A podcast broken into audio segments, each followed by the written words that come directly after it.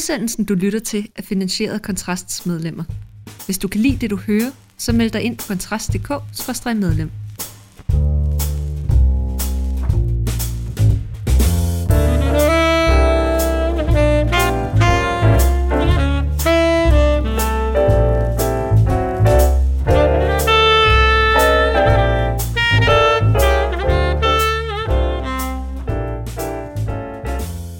Efteråret har meldt sin ankomst, og Danmark går den mørke tid i møde, måske på mere end en måde. For Putin forekommer stadig mere uforudsigelig, og nu har han måske sprængt sine egne rørledninger i Østersøen i luften.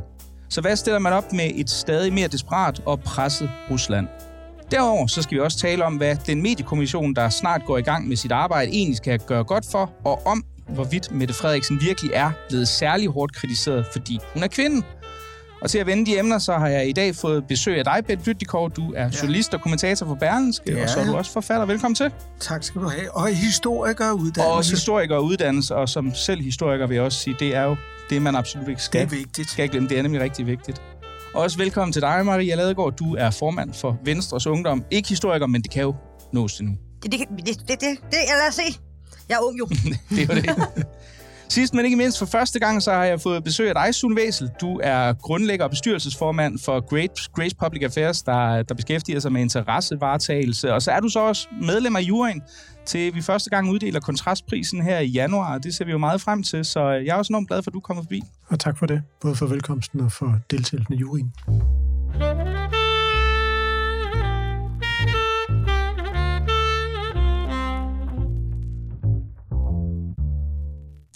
Uden for dansk territorialfarvand, der eksploderede de russiske Nord Stream gasledninger natten til tirsdag. Hvem der bare er ansvaret, det ved endnu ingen. Men de fleste jagttager formoder, at det nok er en tyndhåret herre i Kreml, der står bag.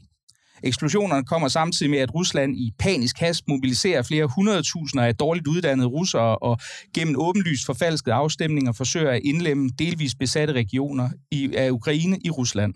Formodentlig inden de hastigt fremrykkende ukrainske styrker befrier endnu mere af deres eget land. For Putin er presset, og formodentlig så kan vi se frem til et par måneder, hvor han vil forsøge at gøre stadig mere desperate træk for at afslutte krigen på vilkår, der er gunstige for Rusland. Men vinteren nærmer sig også, og den risikerer at byde på både eksploderende energipriser og sågar strømafbrydelser her i Danmark. Vil Europa i den situation kunne stå solidt bag Ukraine, eller risikerer vi, at Ruslands pres og hybrid krigsførelse virker og formår at splitte Vesten? Hvad siger du, Bent? Øh, jeg er meget bekymret for fremtiden, fordi jeg er ikke sikker på, at øh, Europa øh, kan holde sammen. Øh, Frankrig og Tyskland har allerede været vaklende, synes jeg. Macron og Scholz har ikke været lige frem øh, sådan helt faste i køden, når det drejede sig om, om øh, Rusland og Putin. Så jeg er meget bekymret, også når jeg ser på historikken. Nu er jeg historiker, som du sagde, og øh, ser vi på, hvordan Europa har reageret gennem tiderne, så det er det jo ikke lige frem øh, stålsat målbevidsthed, der præger dem. Øh, jeg tænker på, at Putin allerede tidligere i 2014 var aggressiv, og man der kunne have rustet op og været klar over faren. Øh, jeg tænker på, at man i NATO-sammenhæng jo har tryllet de europæiske lande og Danmark om at yde de 2%, man har bedt om, og som man var uvillige til. Og jeg tænker på alle mulige andre situationer, hvor Europa ikke har vist øh, sammenhold i spørgsmålet om Iran. Øh, sendte man en handelsdelegation afsted, øh, mens øh, den amerikanske regering prøvede at lave sanktioner, øh, hvor de altså var mere interesseret i handel end sammenhold i NATO-sammenhæng. Så jeg er dybest set bekymret meget bekymret. Er det en bekymring, som, øh, som du deler, Sune Væsel? Jeg kan godt dele bekymringen for, at det bliver svært for Europa at, øh, at finde ud af at stå sammen mod Putin. Jeg er ikke så bekymret, når det handler om at stå bag Ukraine. Øh, der tror jeg sådan set godt, at man kan komme meget langt. Og jeg synes også, det, det der sker nu, altså hvis vi tager den antagelse, at det er en tyndhed her fra, fra Moskva, der er skyld i det, der sker ude i Nord Stream 1 og 2, øh, hvor, hvorfor så? Altså, så er det jo en del af en hybridkrig og der skal, skal fleksibel modstandskamp til det. Og det vil sige, det, det der i virkeligheden for mig er det uhyggelige, nu er jeg godt, det er, ikke, det er ikke så meget vinteren og spørgsmålet, men det er de her 3-4 dage, der har været nu, hvor vi ikke længere taler om vores ældresektor, vores skolesektor, vores sundhedssektor, vores velfærdssystem eller øh, inflationen, men hvor vi er fuldstændig på den sikkerhedspolitiske dagsorden. Og det viser jo, at hybridkrigen virker. Så, så hvis han ikke skal lyttes med at splitte os, så skal vi jo stå sammen og holde fast i, at det er Ukraine, det handler om, og det er ham, der skal trænges tilbage. Det har vi ikke været succesfulde med de første 3-4 dage, og det er selvfølgelig et dårligt tegn. Men omvendt så er det jo også en del af et velfungerende demokrati, at meninger skal brydes, så der vil være forskellige øh, tanker om det. Det er jeg egentlig ikke så nervøs for. Altså, jeg kan godt lide, at, øh, at demokratierne har lidt forskellige meninger, øh, og at, at, at det gør ikke noget, det tager lidt længere tid. Det gør heller ikke noget, det fremstår som om, at der, der ikke bare er øh, hård krig lige med det samme og, og fuld opbakning. Det gør ikke noget, at demokratierne virker. Øh, og på den måde er jeg måske lidt mere optimistisk i forhold til, at det skal nok lykkes øh, at stå bag Ukraine. Men jeg har ikke noget mod uenighed og debatter, men jeg har noget mod, når man fører en fejlslagen politik, appeasement, som man gjorde op til øh, Hitlers aggressioner. Og der har vi jo altså set af, af Merkel i Tyskland, delvis også Macron og andre, altså har ført en politik, som er hul i hovedet. Øh, øh, man opgav øh, atomkraft, man prøvede at føre appeasement og snakke med Putin selv efter 2014. Og det er jo, øh, kan du sige, uenighed. Øh, ja, okay, men det er en meget alvorlig fejlslagen politik, som man kan spørge sig selv om, har de lært noget af det, når nu det begynder at blive koldt? Jeg har min alvorlige tvivl jeg er tilsvarende bekymret, men det er også fordi, vi går ind og begynder at pille ved, hvad er prisen for frihed? Øh, hvad er de vestlige demokratier egentlig værd, når alt, når alt kommer til alt? Øh, det nu bliver man bliver nødt til at stå sammen, og så, øh, altså, det, det har været fint, at vi har kunne øh, prise vores måde at være, øh, være i verden på, men hvis vi bare, øh, du ved, letter presset nu, så, så det er jo ikke noget værd. Øh, og det er, bliver dyrt. Altså frihedens pris er jo i virkeligheden meget sådan bogstaveligt forstået, fordi det bliver dyrt, og det bliver dyrt for danskerne, for tyskerne og italienerne og alle mulige andre. Ikke? Øh, og jeg, jeg, jeg håber, jeg er bekymret, men jeg håber virkelig, at politikerne formår at, øh, at stå fast mod Putin, fordi det er jo det, han forstår. Altså, øh, hvis nu han var sådan en flink fyr, man kunne sætte sig ned og øh, drikke en kop kaffe med, eller øh, vodka, eller hvad han, hvad, han godt, hvad han godt kan lide, så havde det været noget andet.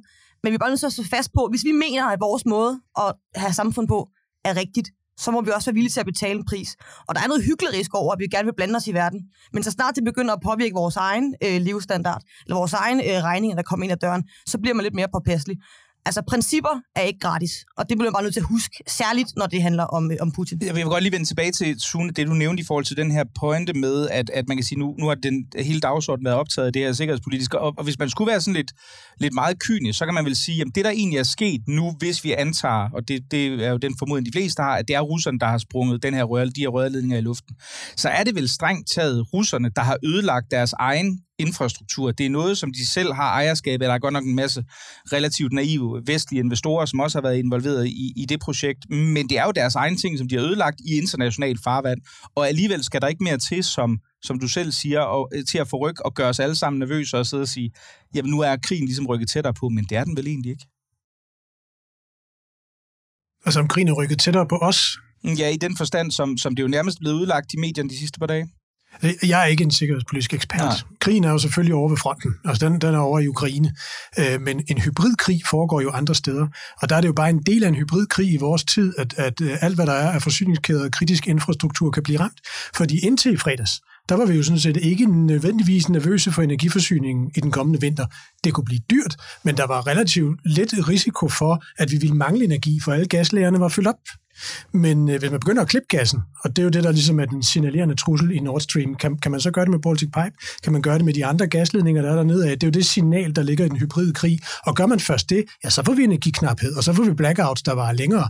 Så er krigen rykket tættere på? Nej, det er den varme krig er jo ikke rykket tættere på. Der kommer ikke til at falde bomber, men den sikkerhedspolitiske trussel er blevet meget mere tilstedeværende. Og det er jo det, vi kan smage. Det er jo derfor, at, at politikerne og alle de andre flytter den vej, og det er også derfor, at beredskabsniveauerne ryger op. Det er jo også udtryk for, at, at den, den sikkerhedspolitik fylder, og det er det, der er den trussel, vi skal håndtere, fordi hvis, hvis, hvis det kan ske ved Nord Stream, hvad er så konsekvensen af Baltic Pipe for Polen? Hvordan suger det på energibørsen? Hvad er konsekvensen af, eller hvis der bliver ramt nogle øh, el- eller internetknudepunkter rundt omkring, som også kan være ganske store, øh, så, så, så, så bliver vi jo lammet på samme måde som en bombe, selvom der ikke er ild og sprængning, men, men vores system vil, vil, vil dø i en periode, og det skal vi så leve med. Ikke? Men man kan vel sige, hvis, hvis det var Baltic Pipe, så ville det vel være et angreb på NATO-infrastruktur, og det er det vel ikke, når det, altså det vi har set indtil videre, så det er vel et, det vil vel være en eskalering på et helt andet niveau, eller, eller er det bare noget, jeg, noget, jeg misforstår? Men, men, men, men, et, et, et, jo, men lige nu ved vi jo heller, vi ved jo mm. faktisk ikke, hvem det er, eller selv vi har nogle, nogle antagelser om, ikke, altså den slags terrorhandlinger, den måde, det vil ske på, er du sikker på, at vi der kan sige, at det var den, der fyrede, det var den fjende, og det var det formål? Det, det, det tror jeg, jeg tror, det er et vilkår, at det kan blive svært, og så skal vi jo i Vesten netop diskutere, fordi vi har brug for klarhed, øh, og, og lave nogle antagelser, bygge en strategi og et forsvar på. Øh, så jeg, jeg tror ikke, det aktiverer artikel 5 bare lige med det mm, samme. No. Altså. Krig er jo så mange ting. Den kan være kold, og den kan være varm, og den føres overalt i verden, i Mellemøsten og andre steder, med cyberangreb og IT-ting. Øh, og nu har Putin jo udsendt det her signal, som jeg opfatter som et desperat advarsel til Vesten om, at han vil ikke tabe krigen i øh, Ukraine. Øh, men må jeg lige gå tilbage til historien en lille smule, fordi Anders Fogh Rasmussen var ude i Berlingsk og sige noget om, at Putin er lige så farlig som Stalin og Hitler. Og, og det er jo fra en mand, der virkelig ved noget om verdenspolitik. Han har været NATO-chef, han har været statsminister, så det er jo en alvorlig øh, signal til os om, hvor alvorlig krisen er i hans øjne. Og vi ved jo fra krigens tid, øh, 2. verdenskrig, at hvis ikke det havde været for Churchill, jamen så havde vi lavet appeasement, så havde alle lande, ligesom Danmark, jo bare accepteret Hitlers styre, accepteret hans aggression. Og når jeg ser på vores nuværende situation inden for de sidste år, øh, øh, gennem øh, de seneste 20-30 år, jamen så bliver jeg som sagt meget, meget bekymret, for jeg er ikke sikker på den vestlige solidaritet og alliance. Og der øh, vil jeg gerne øh, rette det kritiske blik til dig, Maria, fordi jeg synes ikke kun, vi skal skyde efter Socialdemokratiet og Venstrefløjen og deres fodnotepolitik. Vi har altid fra borgerlig side sagt, jamen altså, Øh, Socialdemokratiet under fodnotepolitikken var jo over øh, til overgivelse, og det var kritisabelt, og det var elendigt, og neutralitet. Men vi har jo på den borgerlige side stort set gjort det samme, og Venstre har gjort det samme. Claus Hjort var ude, da de blev angrebet for ikke at opfylde 2%-reglen, øh, så var han ude at sige pjat med det stort set, og vi gjorde ikke noget i 2014, så hvis vi skal ligesom være fælles om noget, jamen så må øh, den borgerlige fløj i Venstre der øh, tage og se kritisk på sig selv og spørge, hvad fanden er der sket? Har du tænkt på at rejse det i partiet? Jamen, jeg er måske som skole ikke en helt stor øh, sikkerhedspolitisk ekspert, og derfor er jeg ikke sikker på, at det er, er, er min rolle i partiet, men jeg er sådan set meget enig med dig. Altså, og, for der er ikke nogen, der kan vaske hænder her. Altså, alle er ansvarlige for den situation, vi står i, øh, står i nu, og derfor så var det desto mere øh, en grund til, at man lavede et nationalt kompromis, hvor man jo gik sammen på tværs, fordi man sagde, at vi har alle sammen et ansvar. Øh, så, og det, det tror jeg faktisk heller ikke, der er nogen, der prøver at slippe udenom. Det vil i hvert fald være... Øh, naivt at forsøge at slippe udenom, fordi det er så tydeligt, at man nemlig i de år, hvor man kunne have gjort noget, ikke har gjort noget. Nu står vi her, øh, og det jeg oplever i forhold til at har krigen flyttet sig, øh, måske ikke sådan på øh, på de høje navler, men jeg tror for de helt almindelige danskere, der sender deres børn i folkeskole, øh, og selv møder på arbejde og handler nede i Netto og sådan noget, øh, så tror jeg faktisk det der med, at det ikke længere foregår et eller andet sted over i Ukraine, men lige nede på Bornholm, hvor man har været på sommerferie i sommer, jeg, jeg tror faktisk, det betyder noget for folks oplevelse af, hvor foregår den her krig hen, og har det noget med os at gøre. For det er nemt nok at sige, at man står bag Ukraine. Altså, det, mm. vil sige, det, det gør vi alle sammen vel. Men når det så begynder at handle om en selv, og kommer tæt på, så tror jeg også, det kommer til at skabe en frygt i, øh, i befolkningen. Så kan det godt være, at der er for styr på forsyningssikkerheden og sådan nogle ting. Men hvis først befolkningen begynder at blive rigtig bange for det her, øh, så kommer der jo noget, et, et, et, et, et tryk, et pres nedefra. Ja, men det pres kan enten lede til apati og appeasement, eller til øh, væbnet øh, beslutsomhed. Ja. Og hvis vi ser på historikken, og den borgerlige mangel på at se selvkritisk på sig selv, hvad vi har været med til, så kan jeg være bange for, at det er appeasement og apati, mm. der bliver resultatet, ja. hvis man ikke meget selvkritisk spørger, hvordan kunne vi svigte gennem alle de år? Hvordan kunne, vi hvordan kunne Venstre svigte gennem alle de år, hvor man råbte på oprustning, og man skulle gøre noget ved det? Ja, uh, ja undskyld, jeg er så skarp Nå, over, det skal du endelig, men, men det er fordi... Det, ja. men, men, øh, men jeg Sune, tror Sune ikke... markerede, jeg det er næsten lige... Øh... Jamen, ben, så, så vil jeg udfordre dig som historiker på at sige, hvad er det så, vi skal lære af? Fordi der, i, i min levetid har der været den kolde krig, og så har der været det fra, fra, fra murens fald og frem til Putin går ind i Ukraine, som, som jeg vil kalde det naive vakuum. Øh, og, og hvad... Øh, der, der er det rigtigt. Der har de borgerlige ikke øh, haft tilstrækkelig bevidsthed om, hvordan man skal håndtere forsvar og sikkerhedspolitik, som du siger. Så når du så bare er på Stalin og Hitler i forhold til at sammenligne med despoten Putin, hvad er det så, der skal til for at aktivere borgerlige rækker? For der skal man vel kigge før både min og Marias levetid. Altså, hvad, hvad skulle til for, at de borgerlige faktisk trådte frem og tog ansvar for en, en sikkerhedspolitik, der kunne virke? Det, der er så uforståeligt, er, at vi kom jo efter 2. verdenskrig ind i en kold krig. Øh, truslen var markant. Det prøvede en masse folk at råbe op om. Alligevel oplevede man en manglende vilje til at investere i militær happengud og, og øh, krigsvilje, så at sige. Ikke? Og øh, vi trænger både til en moralsk og militær oprustning, så at sige, og være klar over, at nogen er ude efter os. Vi har lullet os ind i den der søvngængeragtige øh, illusion om, at der ikke var nogen, der var ude efter det fredelige lille Danmark, og vi skulle nok ligesom under 2. verdenskrig klare os igen. Men, men, det men, tror jeg ikke det... på et øjeblik. Men Bent, er det ikke netop det, vi har set så trods alt? Fordi alle fortidens mange og store sønder, øh, øh sådan taget i, øh, i betragtning, så må vi jo anerkende, at det, der skete efter februar 2022, var jo, at det Europa, som ingen havde forestillet sig kunne gøre særlig meget, og det var formodentlig også i høj grad på grund af amerikansk og ikke mindst britisk pres også, men det rejste sig jo trods alt og formåede at gøre noget for Tyskland og Frankrigs vedkommende, muligvis for lidt og også temmelig sent, men man har leveret et stort antal våben. Vi har set et Sverige, der er gået ind i NATO, og selv et Sverige, der har sendt våben til, til Ukraine, et Danmark, som også sender de, og det kan man jo så begræde, at det ikke er mere, vi kan sende afsted, fordi vores militær har det en, en lidt sørgelig forfatning, men vi har trods alt sendt en masse ret effektive ting afsted, så vi ser vel den mobilisering af en forsvarsvilje, som er præcis det, du efterlyser. Gør vi ikke det? Jo, du har i hvert fald delvis ret. Der er sket noget. Sverige har rettet ind. Der er kommet en større bevidsthed om truslen mod os. Men jeg er bare meget stærkt i tvivl om, hvor lang tid det vil vare, når vi begynder at fryse. Tyskerne og franskmændene er de to hovedlande i Europa, de har allerede været lidt vaklende. Macron vil gerne snakke med Putin, øh, Scholz, jamen, øh, det bliver ikke leveret, den isenkram, der skal leveres. Øh, jeg tror, når det rigtig bliver koldt, så er jeg bange for, at vi ikke står tilstrækkeligt sammen, og der ikke er tilstrækkelig øh, kampvilje. Og, og der synes jeg, at historiens spor skræmmer ikke, fordi øh, de borgerlige partier har gennem de her år, selvom de skulle have vidst bedre, har svigtet. Men man kan godt evaluere, og det, og det anerkender jeg sådan set. Men den situation, vi står foran, når vi kigger bagud, det er jo også en tilbagerulning af globalisering.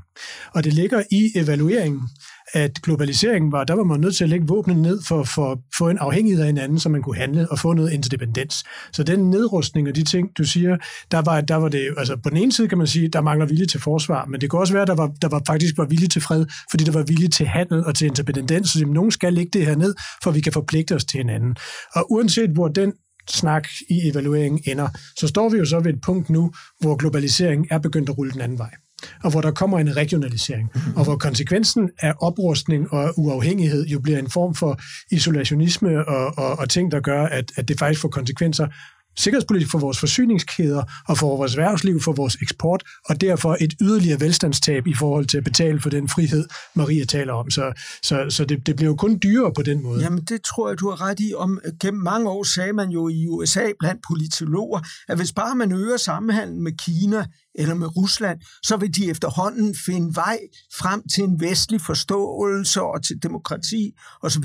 Og hele den tankegang viser jo at være forkert. Ja, fordi der i ligger måske den borgerlige naivitet, at vi har foretaget nedrustning og sendt øh, militærbiler på, øh, på, på Veteranmuseum, men Kina og Rusland har ikke. De har, de har oprustet det, og opbygget imens. Dels ikke? det, og dels tillod USA jo kinesiske firmaer at komme ind på deres marked og stjæle teknologi øh, naivt, øh, hvor man først nu er begyndt at indse, at man gik den forkerte vej, og det kinesiske regime er meget værre, end man nogensinde havde troet. Så, så det er den erkendelse, som først nu synes at være øh, indfinde sig, så kan vi håbe det bedste, som du siger, øh, men, men øh, jeg er ikke sikker altså, nu står vi jo så sådan for alvor i den situation, at det ser ud som om, vi bliver trykprøvet. Der er højere renter. Vi har set inflationen ramme relativt hårdt her hen over sommeren, i, i høj grad naturligvis også på energipriserne, men nu står vi altså i den situation, hvor vi kan risikere, at der kommer til at være sådan de her brownout, som jeg tror, man kalder det, hvor vi, vi faktisk kan risikere, at ikke alene industriproduktionsvirksomheder, de kommer til at lukke ned for noget af produktionen. Vi kan faktisk også risikere, at private husholdninger, ifølge de, de nyeste advarsler, i, i værste fald kan blive tvunget til at, at, at slukke for strømmen. Er det noget, som man sådan skal være bange for, at øh, det vil underminere danskernes, ellers, som jo et af Europas mest ukrainestøttende folk, øh, underminere opbakningen, vi ser her? Hvis jeg skulle slukke for strømmen derhjemme, eller skulle gå for huset hjem, så vil jeg, det, det tror jeg, det er meget naturligt, at man siger, er, er jeg villig til at betale den her pris for nogen, jeg ikke kender, der kæmper en krig, der måske, måske ikke har noget med mig at gøre, selvfølgelig. Øh, men derfor synes jeg også, at det egentlig er øh, politikernes fornemmeste opgave at finde ud af, at vi kommer igennem det her på den mest gelente måde, fordi det er også vigtigt, at den der opbakning er der i, øh, i, i befolkningen. Og det er bare nemt, eller det er i hvert fald svært det er nemt ikke at forholde sig til, hvad der foregår meget konkret i Ukraine, fordi det foregår i Ukraine. Øhm, og så er det bare rart, når, når man ikke selv skal betale med, med, med sit liv, eller sin søns liv, eller med sin, sin strøm i husholdning, eller sin varme. Øh, men jeg tror bare, man bliver nødt til politisk bliver man nødt til at stå fast på, det er det her, vi gør. Og jeg tror egentlig også, nu har vi været, der har været mange kriser de seneste mange år, øh, og jeg oplever egentlig, at hvis der er nogen, der fra politisk hold siger, nu gør vi sådan her, så står vi sammen, at folk så også i, i bred sådan udstrækning bakker op. Og jeg tror, det er det, der er brug for igen. Jeg håber, at befolkningens øh, sådan, tillid til politikere og krisestyring, alle de her ting, øh, lige kan bære en, en krise mere. For jeg tror virkelig, der er brug for, at vi kigger hinanden i øjnene og siger, øv, hvor er det her bare vildt nederen. Vi har haft nogle super skønne år. Vi har handlet, og Danmark er et smørhul. Nu kommer det til at være nogle år, hvor, ting gør, hvor, det, hvor det gør lidt ondt. Øh, men vi skal også bare være bevidste omkring, hvis vi giver op på det her, så er det ikke kun Ukraine, der på sigt mister deres frihed, så er det også os. Øh, og der må man bare stå stærkt på principperne og være, ærlig, og være villig til at betale prisen.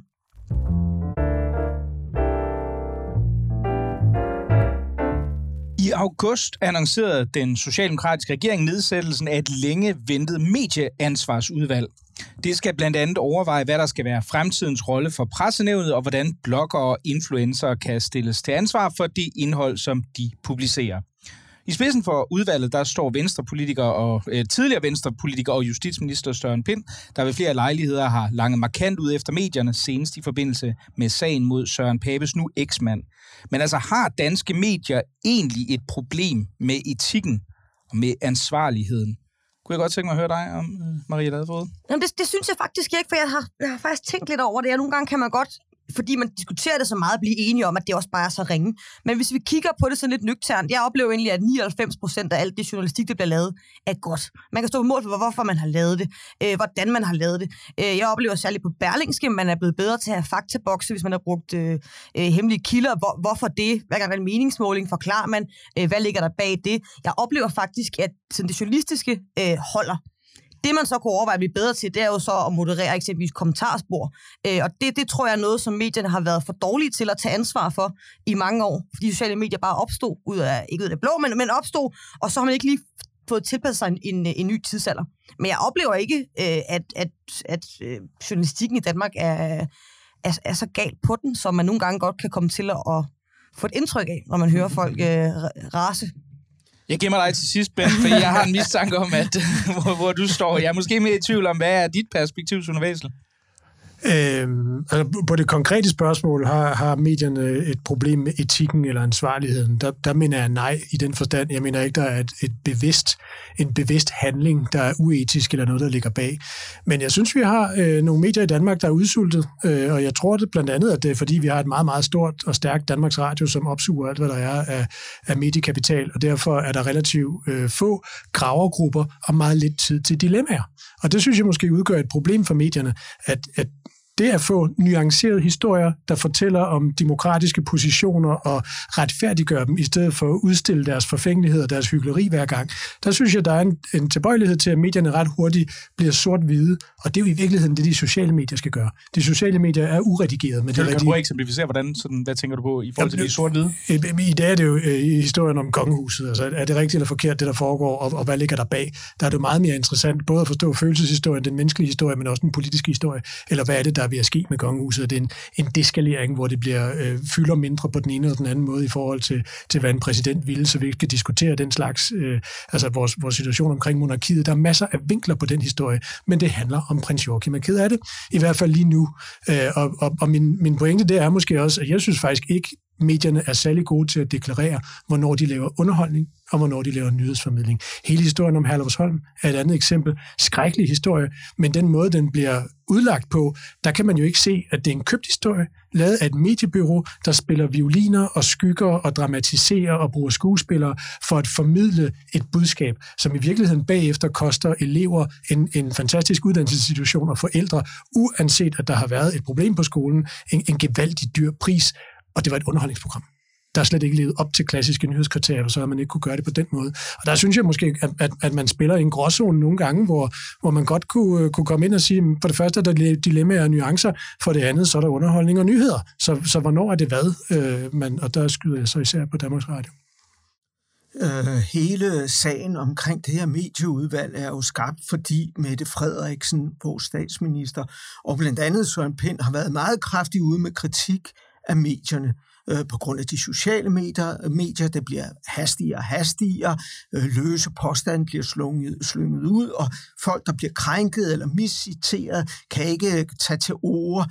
Øh, og i den debat så er der nedsat det her udvalg med Søren Pind som formand og 18 andre, og der har allerede været kritikere ude, blandt andet Jakob Machangama fra Tænketanken Justitia har sagt, øh, det er dårligt, øh, det er regeringen, politikerne, der vil stramme tøjlerne og mindske ytringsfriheden, og Søren Pind er en meget dårlig formand, for han har været ude med nogle elendige eksempler på folk, som han mener er blevet øh, hånet, så at sige, i medierne, og øh, der viser Jakob, at, at øh, Søren Pinds eksempler ikke er gode.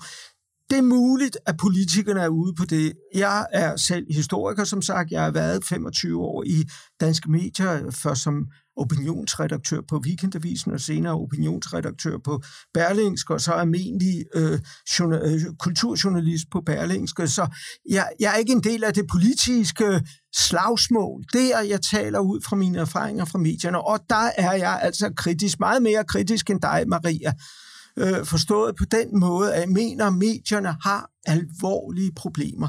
Øh, som punkt nummer et vil jeg mene, at medierne generelt er meget, meget dårlige til selvkritik og selvreflektion. De forlanger alle andre konsekvenser, og de skal stå på mål, og der skal, de skal beklage osv. Medierne beklager aldrig selv.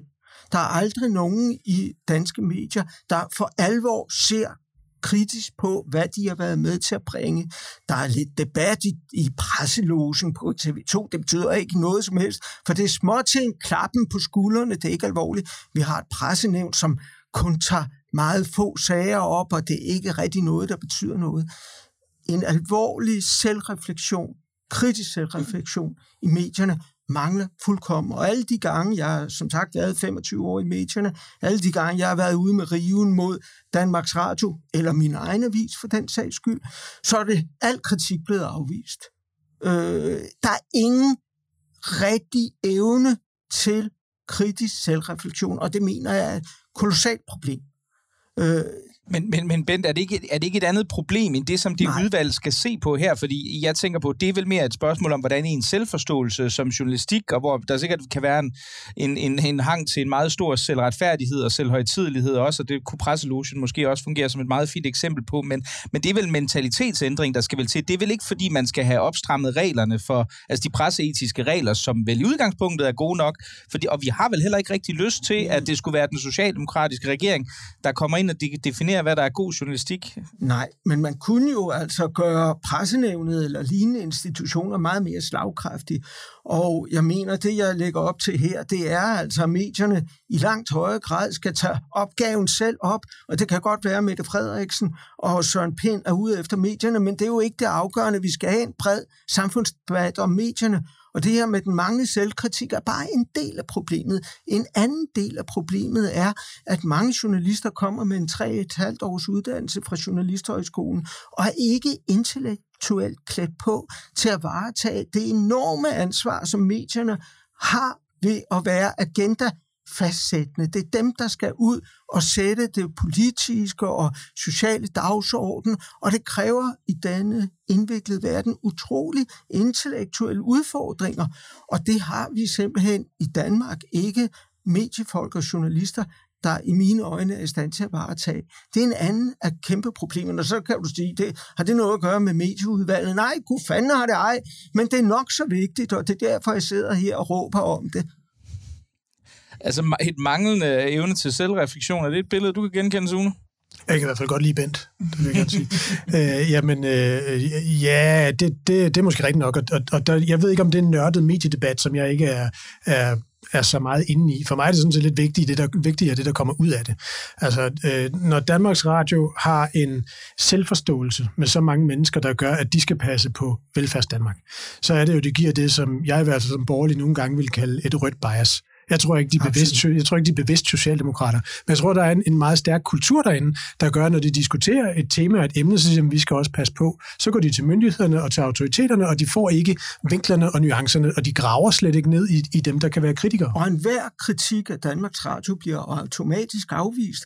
Øh, må jeg lige give et enkelt lille eksempel. Danmarks Radio lavede en lang serie, meget, meget dyr, der hed Historien om Danmark. Mm. Det var fuldkommen et rødt bias. De mm. eneste frihedskæmper, der optrådte, det var kommunisterne. Der var ikke et ord om øh, borgerlige frihedskæmper, og så kørte det der ud af på deres sædvanlige måde. Jeg kritiserede Berlingske Skarpserien. Selvfølgelig blev al min kritik fuldkommen afvist, og det er standard i Danmarks Radio.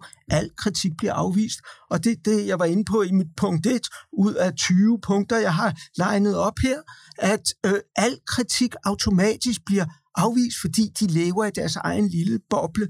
Og, der og det, er, så, det er et kolossalt problem for demokratiet. Jamen, jeg er helt enig, og det er jo også sådan med selvkritik, det ophører jo med at eksistere, hvis man sidder sikkert i sadlen. Altså, jeg er helt enig i Sunes kritik af det er, fordi hvorfor skulle, man, hvorfor skulle man spænde sig særligt an, hvis du alligevel får en check næste måned igen, og måneden efter, og måneden efter.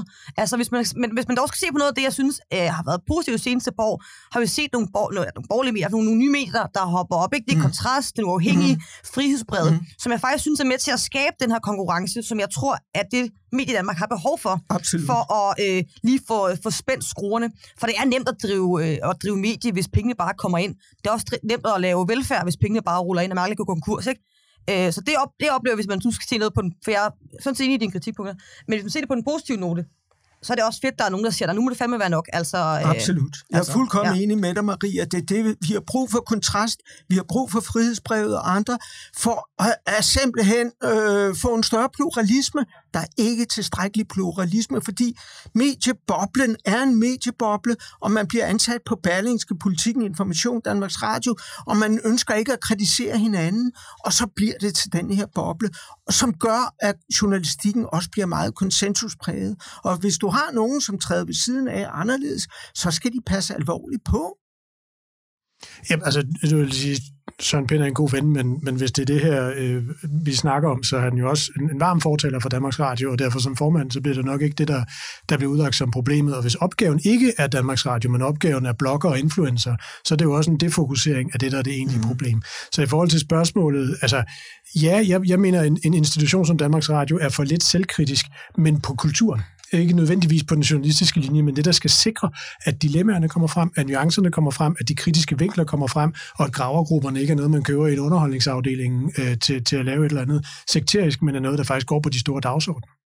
Men, men det er vel også, altså nu, nu kan man sige, nu jeg laver oplægget op i forhold til den her medieansvarskommission. Jeg kan godt høre øh, ideen om at se nærmere på, hvad det skulle være for nogle ting, vi skulle gøre stedet i, i de presseetiske regler, er måske lige utopisk nok. Men hvis vi så ser på Danmarks Radio, som jo altid er et godt emne, altså er det ikke også et problem, at modviljen mod at se på de strukturelle vilkår for Danmarks Radio er meget, meget begrænset blandt de borgerlige? Altså jeg mener, vi snakkede om det så sent som sidste uge, jeg havde Alex Hansen på besøg, og, og, og hvor han siger, jamen prøv at høre, det vil da være meget fint, fordi jeg laver godt oplæg og siger, jamen, altså, er det ikke nødvendigt at indskrænke øh, armslængdeprincippet og sige, jamen, altså, I må altså kun beskæftige jer med kultur og tro og, og nogle dyre dokumentarting øh, øh, og, og noget, lidt, hvad kan man sige, børneunderholdning og ikke alt det andet, som I fylder jeres hovedkanal til 1,5 milliarder med, som markedet kan levere i forvejen. Og så siger han, jamen prøv at høre Mikkel, det vil da sikkert være en, en dejlig idé, men det er jo fuldstændig umuligt, for det er der overhovedet ikke politisk vilje til mm.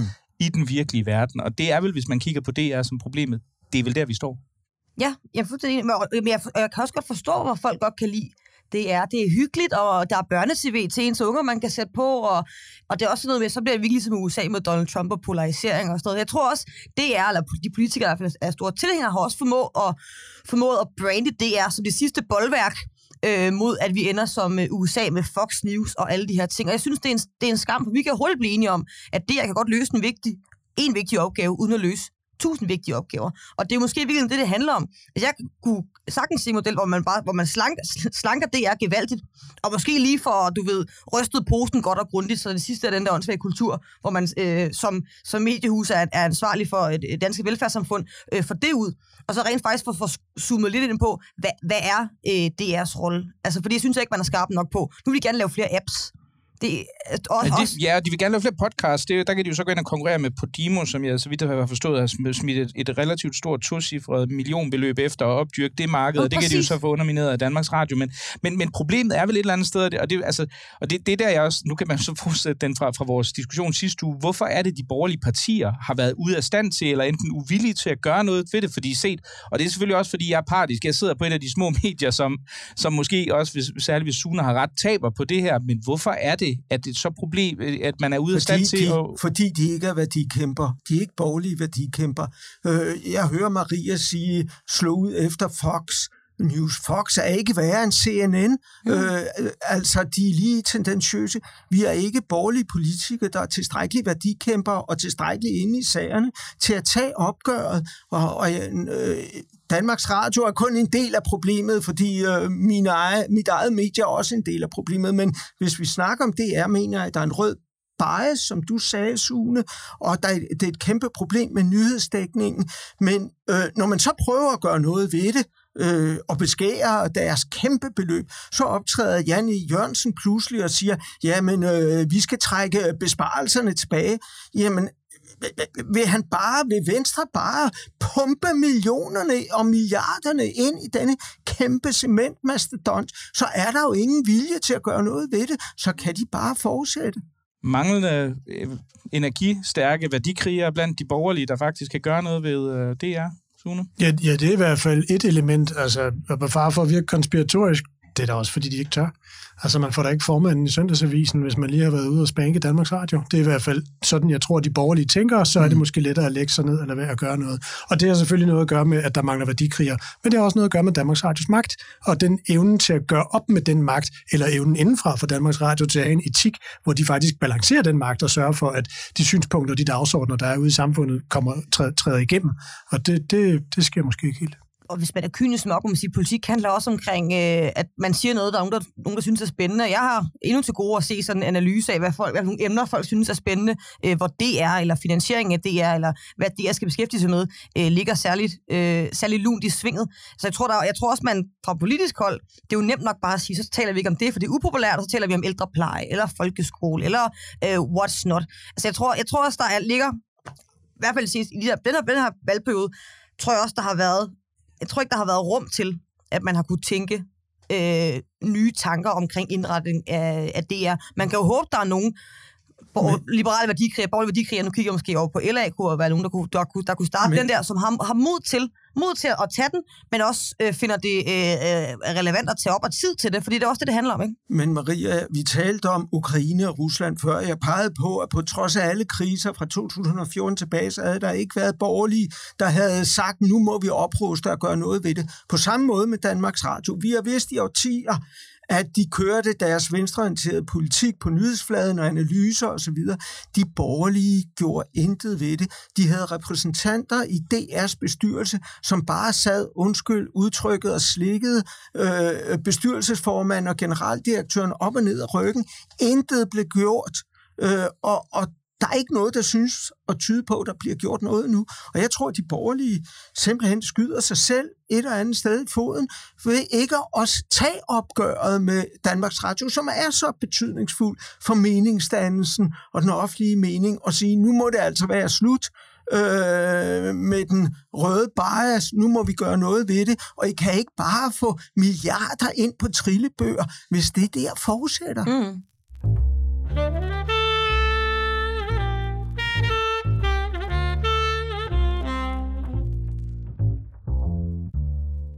På Radio 4, der afløste det gamle Radio 24-7. Der findes et program, hvor kendte personer bliver interviewet, mens de indtager det, de vil vælge som det sidste måltid, hvilket også er programmets navn. Forleden der var statsminister Mette Frederiksen gæst til en menu bestående af chavo short med, jeg tror jeg udtaler det forkert, men det er en salat med gedeost, balsamico og ristede valnødder, en hovedret af grillet lammekød med kartofler, som den bliver tilberedt af hendes mand Bo, samt pandekager med is til dessert. Selvom menuen effektivt balancerede de raffinerede franske og folkelige danske, så var den ikke nyheden. Det var derimod, at Mette Frederiksen undervejs i programmet erklærede, jeg har ikke sagt det her før, men jeg tror, at noget af den magtkritik, der er, altså underforstået mod hende, det har at gøre med, at jeg er kvinde. Så spørgsmålet, som jeg gerne vil kende svaret på, det er, er landets kun anden kvindelige statsminister blevet offer for strukturel sexisme, Sune Væsel? Nej. Nå, men det var jo det var en af de hurtige. Nå, det var så super hyggeligt. De kom, den kunne vi hurtigt få, den kan vi hurtigt få lukket. Hvad, øh, hvad siger du, øh, Marie øh, Jamen, nogle gange, når man bliver inviteret ind, tænker man, hvad er jeg kastet til at mene i dag? Og jeg, jeg, jeg så forstår noget af til tredje emne, og tænker jeg, nå, det er derfor. Mm. Øh, fordi jeg, øh, jeg har jo den... Øh, jeg tror, det er naivt at forestille sig, det mener jeg grundlæggende, at øh, mænd og kvinder, der gør de samme ting, bliver opfattet på samme måde. Vi har også set det tidligere med øh, kvindelige politikere, der, der stiller op til valg, eller skal være minister, og så spørger folk, hvad er dine børn? Øh, og det spørger man sjovt nok øh, ikke så meget Jacob Ellemann om. Øhm, så, så, så det må bare for at starte med at sige, at mænd og kvinder kan gøre de samme ting, men bliver opfattet øh, forskelligt. Det tror jeg også, at Mette Frederiksen er, er udsat for. Havde der været, hvis nu hun havde heddet Kenneth, havde der så været sammenhængende kritik? Ja, det tror jeg. Jeg tror, at kritikken manifesterer sig på en anden måde. Hvor øh, en, en, øh, en mandlig statsminister, der var der måske noget, med, noget mere med nogle, nogle sure samråd, hvor det her måske mere er noget med at afbrænde nogle dukker. Øh, det for sig, så tror jeg heller ikke, vi kommer udenom, at der er flere, der øh, slår sig på Mette Frederiksen, fordi hun er en, øh, en kvinde. Jeg synes ikke sammenligningen mellem øh, Anders Fogh og Mette Frederiksen i forhold til sådan at være øh, øh, maskuline, handlekraftige handlekraftig øh, statsminister er helt ved siden af. Og jeg, jeg oplever, at der er færre, der slår sig på Anders Fogh, fordi han var en mand, og flere, der slår sig på Mette Frederiksen, fordi hun er en kvinde, der, øh, der gør det samme. Er det en undskyldning for alt det, hun har øh, rodet rundt i løbet af valgperioden? Nej. Øh, og det synes jeg heller ikke, man skal bruge det som. Men jeg vil give ret i, at øh, jeg tror, der er flere, der, øh, der bliver stødt på manchetterne, fordi at hun øh, tilfældigvis har fedtebuler på forsiden. Det, det er en meget vanskelig sag, fordi som mand har man jo selvfølgelig sine synspunkter, øh, og som gammel mandsjovinist, som jeg er, så har jeg mine egne synspunkter omkring de sager, men øh, i bund og grund mener jeg, at kvinder øh, der har været førende politikere, jo bliver rost og fremhævet, når de viser øh, lederegenskaber. Tænk på Margaret Thatcher i England, som ganske vist i en periode blev øh, kritiseret skarpt i opgør med fagforeninger og, og lignende, men jo blev fremholdt også som en modig kvinde, der ture og sætte mændene på plads med sin håndtasker, banke i bordet. Tænk på Golda Meir i Israel, en fremragende øh, politiker, slagkraftig, som der nu laves film med. Jeg tror, det er Helen Mirren, der skal spille hende i en ny Hollywood-film og bliver rost til skyerne. Så magtfulde kvinder, der har været premierminister, bliver jo netop fremholdt som imponerende, skarpe, sætter mændene på plads. Øh, og jeg synes, noget af det samme har været tilfældet med Mette Frederiksen, som jeg har den største respekt for. Jeg ved godt, hun har rodet rundt i, i Mink-sagen og, øh, og andre ting og sager, men jeg synes da også, hun øh, i perioder har vist øh, lederegenskaber, og det har man da også rost hende for, før det ligesom gik galt her på det seneste. Øh, og tænk på alle de mænd, der er blevet kritiseret neden om og hjem. Øh, Anders Fogh, hulemanden øh, og så videre og så videre. Så jeg dybest set kan ikke se den store forskel. Det kan være, at du vil uddybe øh, dit, uh, dit svar, Sune. Ja, altså du spurgte mig om strukturel sexisme, og der mener jeg, svaret er nej. Men det betyder jo ikke, at der er forskel på, på en mandlig, eller der ikke er forskel på en mandlig og en kvindelig leder. Jeg, jeg, jeg synes, at statsminister skal grilles og, og det er den måde, vi holder magten i skak på. Og kigger man på få, så var der jo mange vandrehistorier mm. øh, i hans tid, mm. øh, og kigger man på de statsministerkandidater, der er nu, så har, har Søren Baby jo lige haft sin egen historie, hvor, hvor, hvor, hvor magtkritikken også ligesom udfordrer stamina, og hvad kan man holde til. Det vil jo være umodeligt dumt at, at holde statsministeren det imod, at, at det hendes køn imod. Altså, hvem, hvorfor skulle man gøre det? Øh, og, og det vil sige, jeg har, jeg har svært ved at se, at den debat egentlig er relevant. I virkeligheden er faktisk en rigtig dygtig kommunikator, der i et, et medie målrettet mod modtagerne, der lytter til det radioprogram, spiller et offerkort for at, at, at tiltale nogle vælgere. Øh, og, og det synes jeg egentlig er fint nok. Det er så blevet kørt op. Jeg ved, jeg ved ikke, om det er fint nok, men metodisk, der er det det, der sker. Og jeg synes, det er en mere interessant observation. Er det, fordi det ligger i hendes personlighed, eller det er en del af en politisk strategi? Eller er det virkelig, fordi der er, er sexisme omkring det? Jeg tror, det der det er, det er kommunikation, der var målrettet mod dem, der skulle høre det, det radioprogram, og ingen havde set, at den ligesom kunne glide ud i, i, i det, den så gjorde, og der, hvor vi taler om den nu. Og det interessante er, at den magtkritik, der er, hvor meget af det stammer fra Mette Frederiksen selv, hvor meget er det Mette indefra, der faktisk øh, forvalter magt på den måde, at det åbenbart stikker nogen imod, og hvor meget er det en politisk strategi, at man skal træde op på pressemøder og skal, skal bruge magten på den måde, man, man gør anderledes, end man gjorde før den her regering. Og det synes jeg egentlig er en mere interessant snak, fordi jeg, jeg kan ikke, jeg, jeg, jeg synes sådan set, at som, som statsminister har, har, kan man sige meget om, om Mette Frederiksen, men jeg kan ikke se, at hun er mere kvinde end mand i den sammenhæng. Der, der ser jeg hende som stærk politiker. også. Bare en enkelt opklarende ting. Altså nu, nu, fordi det, det, der måske undrer mig i forhold til, hvor hun vælger at fremsætte den her, altså den her påstand øh, om, at hun, hun ligesom er blevet særligt kritiseret på grund af sit køn, det er jo Radio 4, som jo er sådan ligesom er gået for at være jyderadioen. Altså den er, den er den, der har henvendt sig til det arbejdende, det konkrete Danmark, og, og det var, der undrede det mig måske lidt, at det var det sted, hun valgte at fremsætte den påstand. For jeg skulle jo sådan mene, at det var de urbane øvre middelklasser, sådan de informations- og politikken læsende segmenter, som hun skulle ramme med det her budskab, og ikke dem, der sidder sådan ude i kantinerne og, og øh, sådan i produktionsvirksomhederne. Ja, ja, og der, der, der fanger du mig, fordi jeg aner ikke noget om deres lytter. Jeg konstaterer, nej, nej, at det der feel-good-program, ja, ja. der hedder øh, Gæst til en menu, at, at det er, det er, mm. det er feel-good. Og så ja, men det er, helt, det er et spørgsmål om, at så gennemgår, de gennemgår hendes fiktive nekrolog, og så sidder ja. de så ligesom og snakker om hendes, sådan har en heart-to-heart om hendes, hendes kvalitet og hendes synspunkter som ja. menneske og så videre. Og men er også en derfor sådan programmet taget betragtning, at jeg, jeg, egentlig, jeg egentlig tror, hun mener det. Altså, øh, at, at den oplevelse, hun har. Øh, nu bliver det fremhævet herover, at man også kan blive fremhævet positive ting, når man, når man er kvinde, men det er jo lidt to sider af samme mønt. Det handler om, at man er noget, fordi man er kvinde. Så er man ekstra slagkraftig, fordi man er kvinde, eller man er øh, ekstra... Øh, øh, magtfuldkommen, eller hvad, whatever, mm, mm. Øh, fordi man er kvinde. Men... Altså, og, og, og, jeg tror virkelig, det, det, det, det er det, der, der, jeg vil gerne sætte fingeren på, at øh, når noget handler omkring, øh, hvad køn man har, ikke hvad man gør, så så kommer det til at handle om, så bliver det for mig, så bliver det, så bliver det jo sexisme, fordi så handler det ikke omkring øh, statsministeren, men en kvindelig statsminister. Øh, og og jeg, jeg, kan, jeg kan bare ikke se, at, at man ikke vil komme til at opleve det øh, som kvindelig statsminister. Men, men der er vel en implicit påstand i det, hun siger, som, som går på, at, at hun er blevet særligt kritiseret. At der er noget særligt bemærkelsesværdigt på grund af hendes køn. Men der sidder jeg, som, som, som Bent jo også var inde på før, ikke? Øh, og, og egentlig også Sune, ikke? Altså, det er jo ikke, hvis vi ser på, på øh, altså, karikaturen af øh, Anders Fogh, han var ikke alene var en hulemand, men der blev faktisk også lavet en film, hvor han enten slog sin homoseksuelle elsker ihjel, eller blev slået ihjel af sin homoseksuelle elsker. Hvor man må sige, det er måske også stærk tobak trods alt. Altså, jeg mener, der er vel et, altså nu har vi lige set, hvad der er overgået øh, øh Søren Pape, som var, var kæreste med en anden mand, og så, så jeg mener, det er vel svært at argumentere sådan så overbevisende for, at der er en særlig targeting af hende, på grund af hendes køn, som vel er det, hun siger. Nå, men jeg tror ikke, at, at mængden af kritik ville ikke være anderledes, hvis hun havde været en mand. Men jeg tror, som jeg sagde, jeg tror, det, det manifesterer sig på en anden måde øh, end det var, hvis det, altså, hvis, det, hvis det havde været en mand. Øh, og det er jo også derfor, så kan man jo godt føle, at det handler om, at man er, man er kvinde. Det kan også bare handle om, at man har lavet noget lort, da man var statsminister.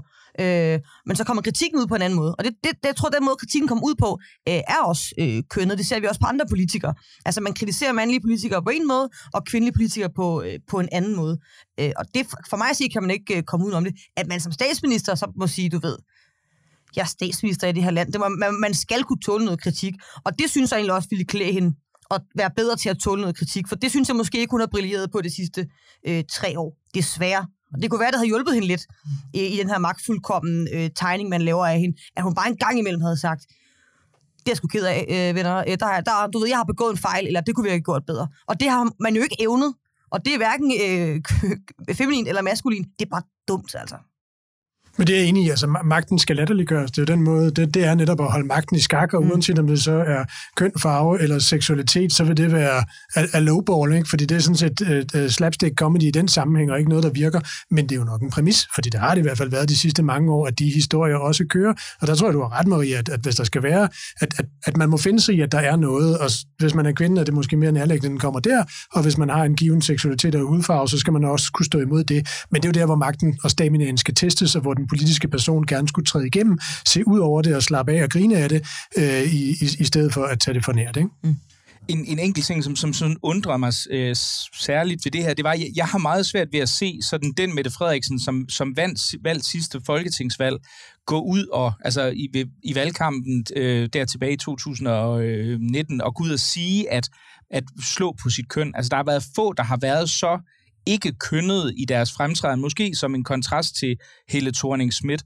Og der ved jeg ikke, der kan jeg jo godt sidde og tænke på, jamen efter de tabte kommunalvalget, og man gik fra at henvende sig meget målrettet til, til sådan det konkrete anti-elitære produktions Danmark og provins Danmark, så vil man gerne have fat i byerne igen. Altså kan man sige, at det her er et forsøg på at få fat i de her, sådan at tale lidt mere til, og du var også lidt inde på det, Sune, til de her urbane vælgere, der synes, at MeToo og kønspolitikken faktisk er noget af det, som man prioriterer højt? Det giver i hvert fald også lidt mere menneskeligt, at så har hun haft en oplevelse af noget kritik og sådan nogle ting. Altså, det, det kan jo godt, det ved kun, det ved kun Mette Frederiksen jo, om det er noget, der er, er strategi, eller det er helt rigtigt. Uagtet, jeg synes da sådan set også, det er en fornuftig nok strategi. Altså, jeg tror, hun har brug for at virke lidt, lidt, lidt, lidt rundere i kanten over for nogen, som måske, måske ikke vil stemme på hende. Altså, der er nok næppe nogen her, der fordi de har hørt en podcast, hvor hun har lidt ærgerligt over at være kvinde, går ned og tænker, det bliver sgu Mette Frederiksen, vi, vi gik ned og stemme på, men jeg kunne godt forestille mig, at der var nogen, som ville fatte noget sympati øh, for hende, når hun, når hun siger den slags. Hvad tænker du, Sune? Kunne det være et udtryk for, at man har en, altså foretaget den her altså, ja, i, I min verden, så er det en, en, en, en kommunikativ, strategisk mm. velplaceret bemærkning, øh, der er rettet mod den målgruppe, der er øh, i, i sådan et radioprogram. Og det, det synes jeg egentlig er veludført øh, politisk kommunikation. Og, og så der har man nok ikke forudset, at den ville tage, tage den her vinkel. Og så mange var ordene i, uh, i dagens blå timer, og jeg vil lige sige, uh, Maria, at, uh, at vi har ikke hedkaldt dig for at diskutere, uh, uh, hvad det hedder, MeToo. Vi skulle faktisk have no, no. snakket om almindelige boliger på Christiania, om det var en god eller dårlig ting, men så så jeg den her i går, Ej, og jeg hørte no. hele... Og jeg hørte så hele, du skulle og jeg, og, jeg hørte, og jeg hørte hele udsendelsen, og så sad jeg og tænkte, ej, det bliver vi altså nødt til at vende det her. Så således uh, var den prosaiske forklaring om vores meget komplekse oplejningsproces her. Tusind tak, fordi I kom. Bent Byttikov, Maria Ladegaard og Sune Væsel.